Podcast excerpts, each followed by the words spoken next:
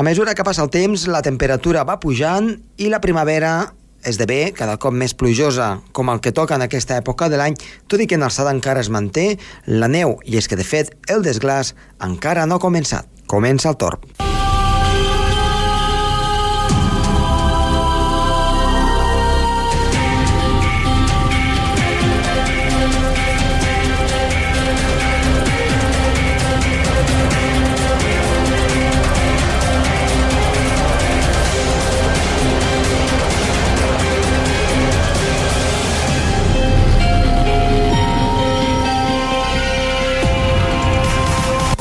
Bona tarda, moltes gràcies per escoltar-nos un dijous més. Avui tenim amb nosaltres a Gerard Tauler, que ens explicarà temes sobre el que és el clima urbà, amb alguna que altra anècdota i també alguna que altra cosa que ens sorprendrà. I tenim també a un militant ecologista, podríem dir d'alguna manera molt conegut aquí al Principat, és en Delfí Roca, a part de polític també, doncs amb la seva faceta de militant ecologista, que ho ha estat tota la vida, ens explicarà l'estat actual del món des del punt de vista ecològic i cap on anem. Som-hi!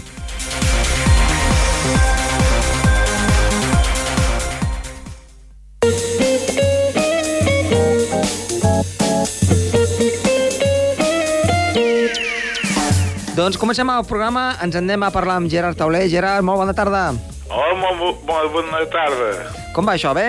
Bé, Escolta'm, avui què ens portaràs? Quina... el clima urbà, el clima de les ciutats, que és ben diferent de les zones que l'envolta. De fet, el clima urbà és un clima, mm, no sé, tu ara m'ho vas matitzant i vas explicant doncs, el temari, però artificial, no?, que hem creat les persones. Sí, és un clima artificial. Les, les, ciuta, les ciutats tenen unes temperatures més altes, unes precipitacions més elevades que les zones que les envolta. Mhm. I això és per culpa del balanç energètic, que és diferent.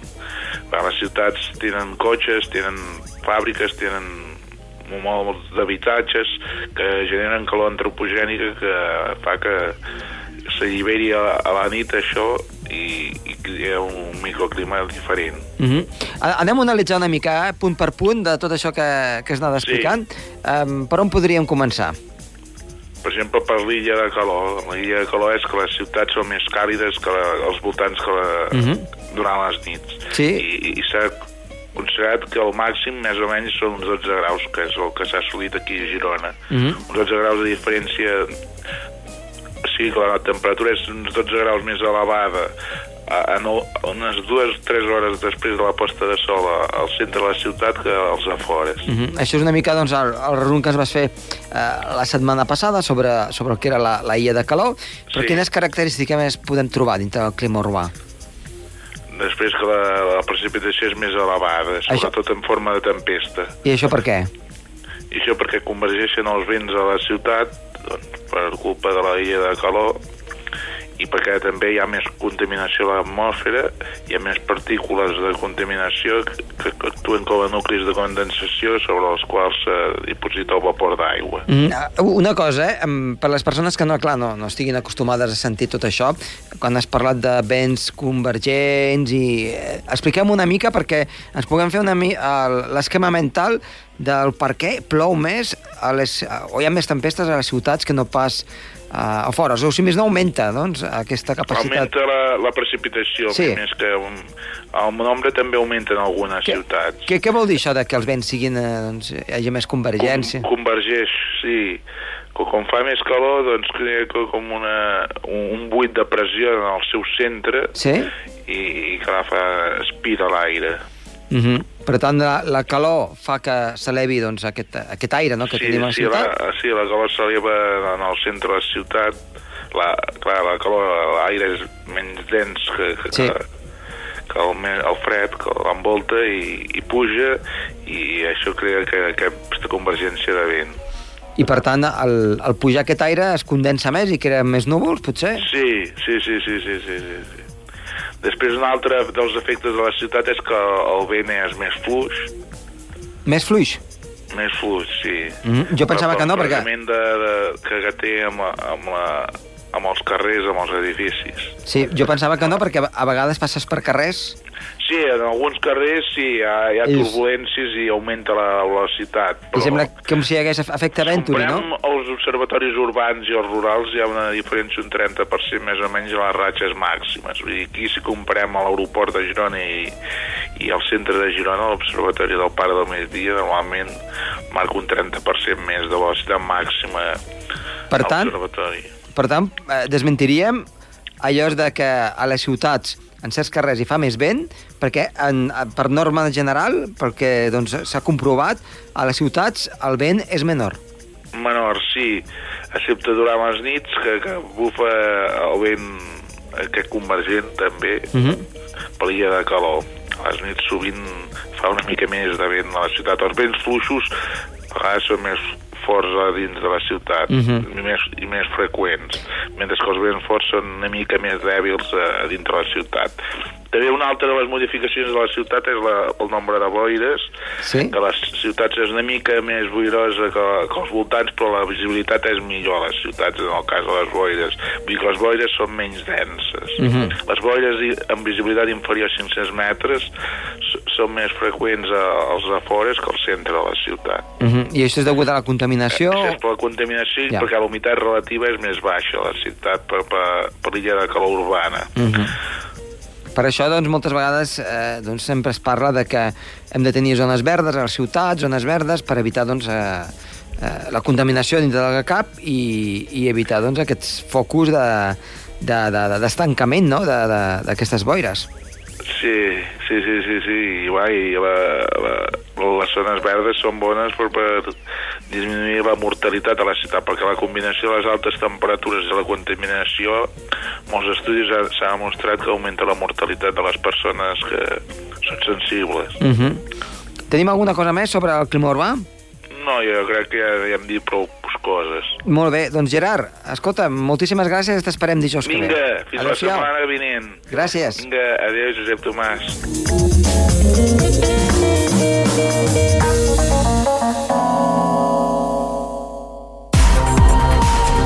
El torn amb Josep Tomàs.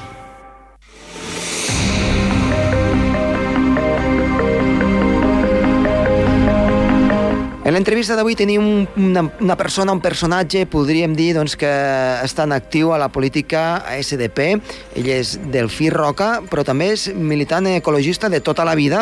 Eh, potser aquesta faceta eh, amb el temps eh, la gent no ho coneix tant, però avui el que volem és que estigui aquí avui amb nosaltres al programa Torp per tornar a recordar una mica doncs, els seus inicis i que ens faci 5 cèntims de com estem en el món, a la Terra, des del punt de vista ecològic. Si hem avançat o hem, o hem anat enrere al llarg d'aquests darrers anys. Delfí, molt bona tarda i gràcies per estar avui aquí amb nosaltres. Bona tarda, Josep. Gràcies a tu per convidar-me. Doncs una mica hem fet la teva presentació, però no sé si vols afegir alguna cosa més, perquè eh, el Delfí sempre has estat doncs, molt poli polifacètic en aquest aspecte. Bé, jo sempre m'he considerat un home del meu temps i avui dia doncs, el multitask, com els ordinadors, és el que ens reflexa una mica tots i crec que hem de seguir per aquí. Eh, clar, la gent necessita etiquetes, doncs, esmentar doncs, que als anys 90, de la mà de diversos companys i companyes d'Andorra, doncs, es va fundar l'associació APAMA, que encara està aquí present i lluitant, Mhm, i tant. i m'hi vaig implicar doncs, eh, molt. També doncs, en temes ambientals doncs, eh, vaig col·laborar amb Greenpeace Espanya, Greenpeace Internacional, i sempre m'he preocupat, doncs, potser perquè vaig ser Boy Scout de ben jove, eh, de procurar deixar el món una mica millor de com l'he trobat. Um, et volia demanar una cosa, perquè potser eh, els nostres oients més joves no, no ho saben, eh, sobre l'anècdota de Gibraltar. Potser la- la- la- L'hauràs explicat moltes vegades, però res, fes-nos cinc cèntims, perquè... No, res, això és una cosa per passar un cap de setmana. Ah, els companys de Greenpeace Espanya volien fer una acció directa contra els submarins nuclears que sovint eh, refugien a Gibraltar, Sí. en aquells moments hi havia un submarí ave- averiat al Tàriles i van voler fer una acció amb diferents militants internacionals, o sigui, de diverses nacionalitats, per mostrar una mica i significar doncs, que era un problema global. M'imagino que van pensar que una Andorra era una cosa exòtica i, i, i així va ser i així ho van fer, eh, res més eh, un parell de dies a la presó i cap a casa. Molt bé. Eh, suposo que després això no t'ha no perjudicat a l'hora de viatjar, no? Queda, queda en el passat ja. Eh, crec que a Gibraltar no hi puc tornar, però ah. tampoc que... també ho pots, és, és un país tan petit que el pots veure des de fora. Des de fora, no? Bé, doncs anem a centrar una mica, doncs, ja que parlaves del tema aquest, doncs, de, de, del tema nuclear. Eh, fem cinc cèntims de com estem ara en el món. Um, des de que et coneixem, des de que doncs, vas fer programes també aquí, uh, tant a la ràdio com a la televisió, doncs ens anaves explicant una mica uh, com estaven aquí a Andorra, eh, com estaven també arreu del món, però l'estat actual. Uh, comencem, si et sembla, una mica pel tema nuclear i després anem, anem veient doncs, uh, els ecosistemes, com estan, eh, mm. què és el que s'està doncs, una mica bullint a l'olla. Mira, el tema nuclear implica parlar de l'energia, de mm. l'energia en general, no? I, i el tema de l'energia implica parlar tant del nuclear com dels combustibles fòssils, del petroli. I això és el que ha malbaratat i està malbaratant i ens ha portat al, al repte més gran que té la humanitat des de que hi ha registres, que és l'escalfament global. Eh, no hem avançat, anem a pitjor. Eh, fa uns anys es, es parlava de que el nivell màxim que es podia arribar de concentració de CO2 a l'atmosfera era de 350 parts per milió. Sí. Malauradament hem d'anunciar que aquest passat mes de març, fa quatre dies, eh, les medicions van dir oficialment que havíem uh mhm. -huh. superat el llindar dels 400 parts per milió. Eh, això és molt greu. El que passa és que és, és, és d'una lentitud i la gent no ho apreciem. Confonem el temps que fa, i tu com a meteoròleg saps perfectament de, de què estic parlant, eh, amb la climatologia. No és el mateix la meteorologia, que es dir, pues, plourà, nevarà, farà uh -huh. fred, que la climatologia, que és un llarg registre al llarg dels milers d'anys. No? Uh -huh. Registre que tenim en els, en els eh, en els casquets glaciars que s'han explorat i que ens diuen doncs, el que hi havia eh, fa mil anys, fa dos mil anys, fa tres mil anys, malgrat que la gent no li costa una mica acceptar-ho o comprendre-ho. No? I... Aquest és el gran repte que, per exemple, a mi m'ha fet implicar-me en política. El I el... canvi climàtic sí? i l'escalfament global.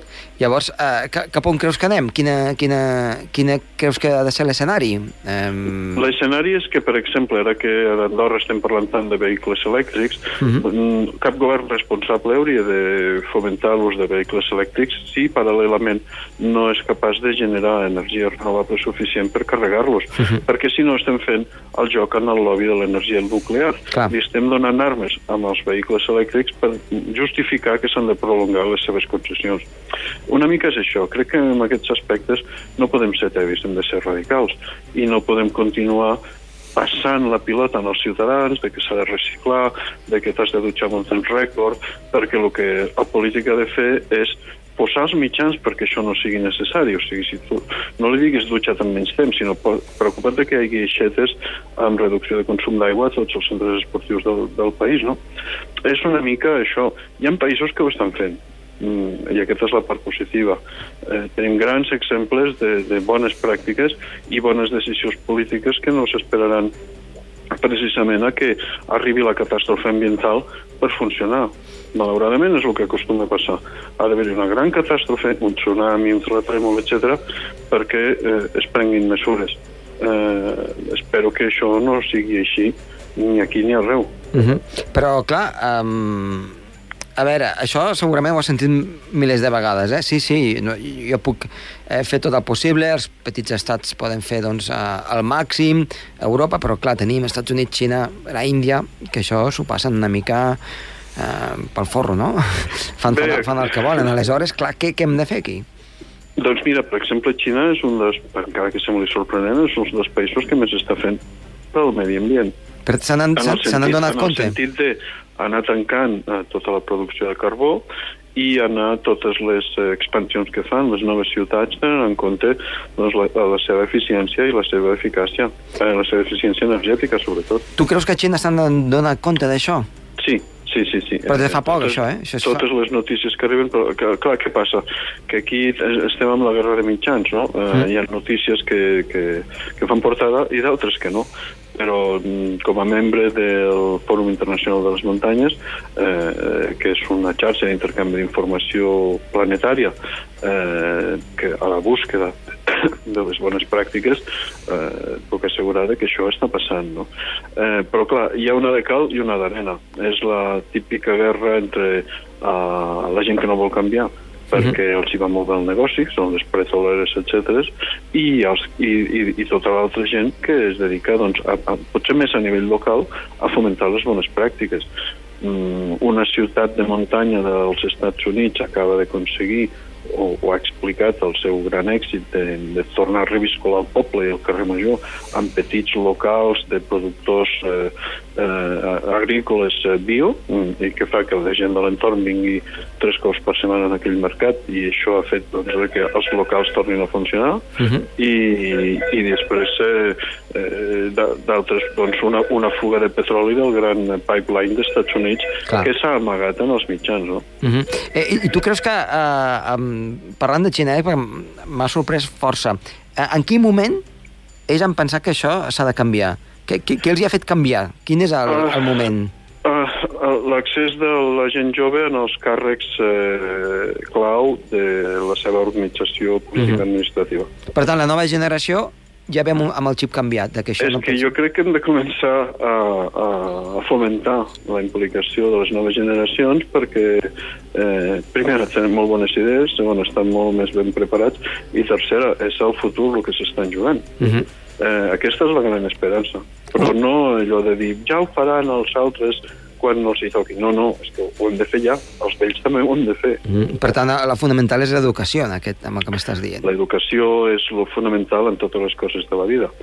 Eh, I, evidentment, el problema és quan eh, certes informacions mediambientals no arriben a la població perquè els mitjans estan eh, cobrant publicitats de grans contaminants uh -huh. o grans contaminadors. Tenim l'exemple de, de, de les trampes que han fet diverses marques automobilístiques, no? I tant. Eh, clar, és molt difícil que això et surti en una primera plana i només el que, per dir-ho ras i curt, eh, el que mostren els mitjans d'informació és important i el que no mostren no és important. Yeah. Ells trien i generen l'opinió. -huh. Però a mi això no em preocupa perquè em consta que, et dic, a nivell local, a nivell petit, a nivell comarcal, a, a petita escala s'estan fent grans coses.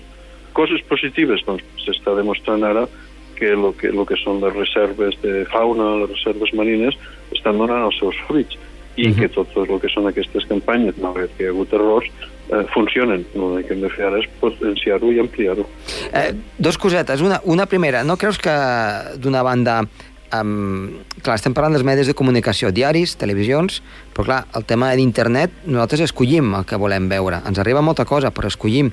Vull dir, cada cop hi ha menys persones, no?, de que es fiquen davant de, de la televisió i se'n passen tot el, tot el que hi ha. Queda menys gent d'aquesta. Cada cop més mm. la gent escull el que vol, el que vol veure, el que no vol veure. Malauradament t'he de contradir, Josep. Uh, Facebook no esculls tu el que vols veure, és Facebook que et mostra el que ell et vol mostrar. -huh. i mhm. cada vegada més eh, els, els mitjans eh, van així. Google utilitza algoritmes eh, que van, la, Google el que vol és organitzar el caos d'informació que hi ha a internet, no? Uh mhm. -huh. Però és ell que decideix quins són els 10 primers links que apareixen a la teva pàgina del buscador, no tu. Eh, tot això és fàcilment manipulable.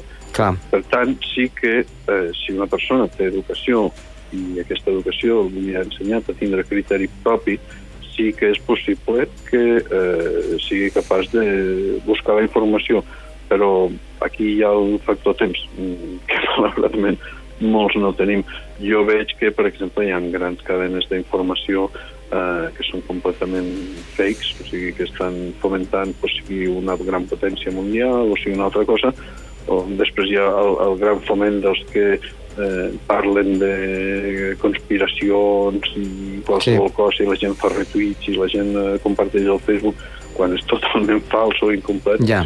eh, és molt difícil, no? Però per això dic que hem de, jo crec que hem d'insistir en el tema local, no? en el tema de les organitzacions ciutadanes que passant de tot s'organitzen i s'organitzen pues, a poder comprar eh, aliments eh, no contaminats, sense pesticides, els que fomenten l'intercanvi de béns i serveis, eh, tot això és el que fa que mediambientalment el planeta pugui anar millor, Mhm. perquè no en tenim un altre, no hi ha un pla B, no tenim un altre planeta Mhm. a on anar i deixar aquest com un gran abocador. No?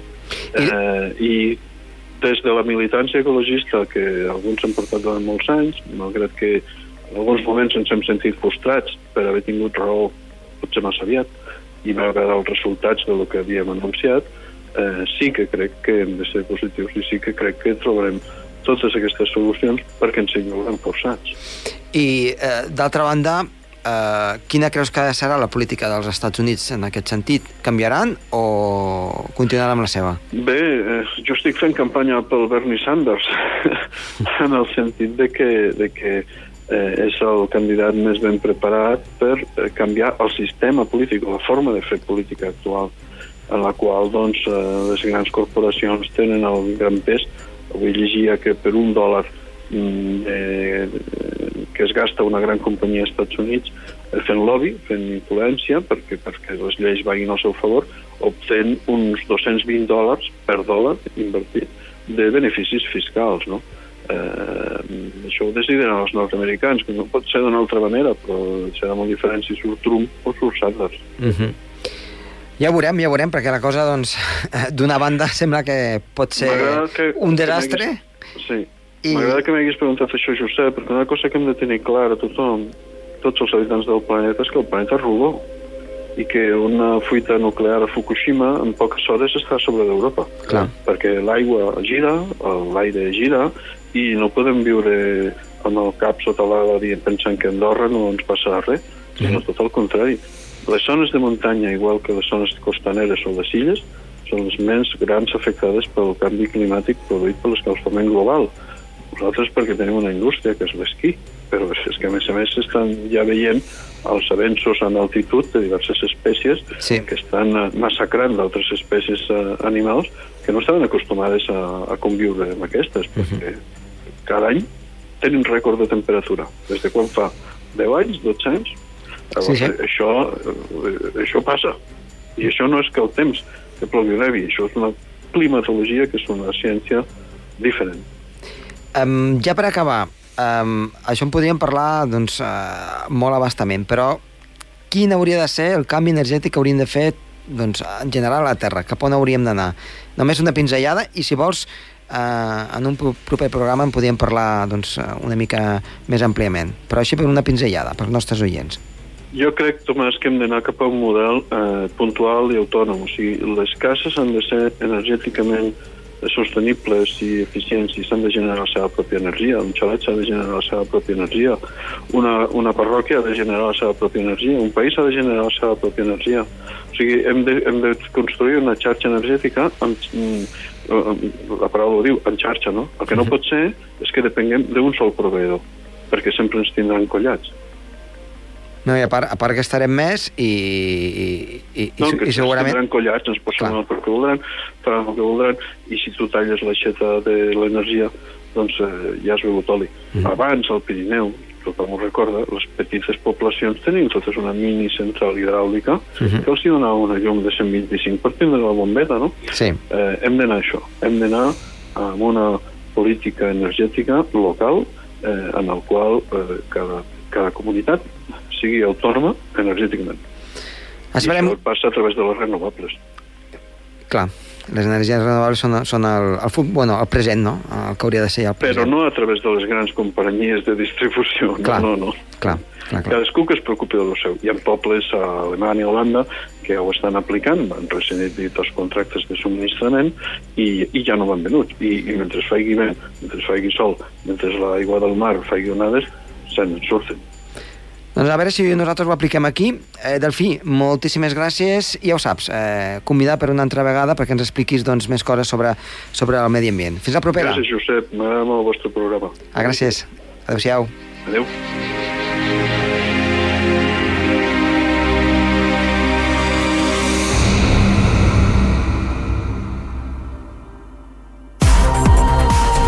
El torn amb Josep Tomàs. Doncs eh, per cap de setmana, aquest cap de setmana el que s'espera és una situació meteorològica marcada una mica per la variabilitat. Dissabte, algun calte ruixat ja a partir de migdia, primera hora de la tarda, i és que de fet arriba una mica de massa d'aire, una mica més freda en alçada, i pot fer doncs, que hi hagi alguna mica d'activitat eh, no tempestuosa, però sí en forma de ruixat. Les temperatures pujaran lleugerament o es mantindran com les de divendres. I diumenge, atenció, davallada de les temperatures. Es notarà la davallada i a l'extrem nord no seria d'estranyar que a partir del migdia algun ruixat en forma de neu cap als 1.700-1.800 metres. Per tant, variabilitat no vol dir que estigui plovent tot el cap de setmana, ni molt menys, però sí que als migdies i la tarda, dissabte i diumenge, hi ha aquesta probabilitat de que hi hagi precipitacions. Per tant, una mica de tot, eh, doncs, aprofitar al màxim al matí i a les tardes doncs, estar una miqueta a cobert. De moment, doncs, la situació meteorològica es manté així. Doncs, eh, força variable, com toca a la primavera.